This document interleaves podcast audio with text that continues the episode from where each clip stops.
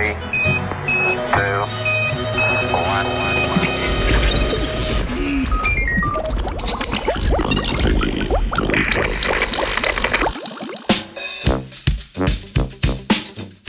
Nočni opraševalci.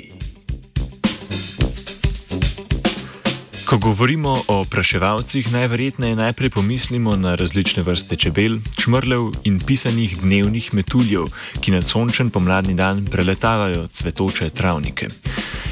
Prav tako je sedaj že splošno znano, da številčnost teh žuželk, ključnih za obstoj rastlin, ki jih oprašujejo, ter posledično tudi nas, ljudi, v zadnjih letih upada.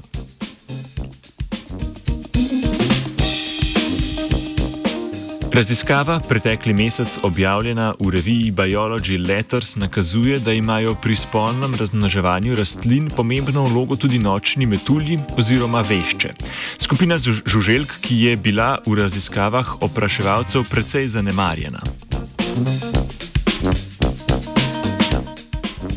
V omenjeni študiji je raziskovalna skupina iz Velike Britanije dve rastni sezoni spremljala, katere žuželke čez dan letajo med rastlinami, rastočimi od, ob devetih bajerji v kulturni krajini vzhodne Anglije.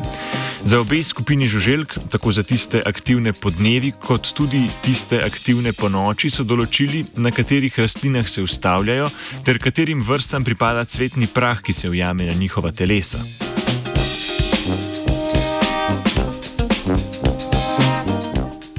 Ugotovili so, da je na telesih 45 odstotkov vseh vešč, ki so jih ujeli, prisoten cvetni prah, ki, ki pripada 47 vrstam rastlin, med katerimi so tudi rastline, na katerih se opraševalci, kot so čebele, čmrli in dnevni metulji, ustavljajo redkeje.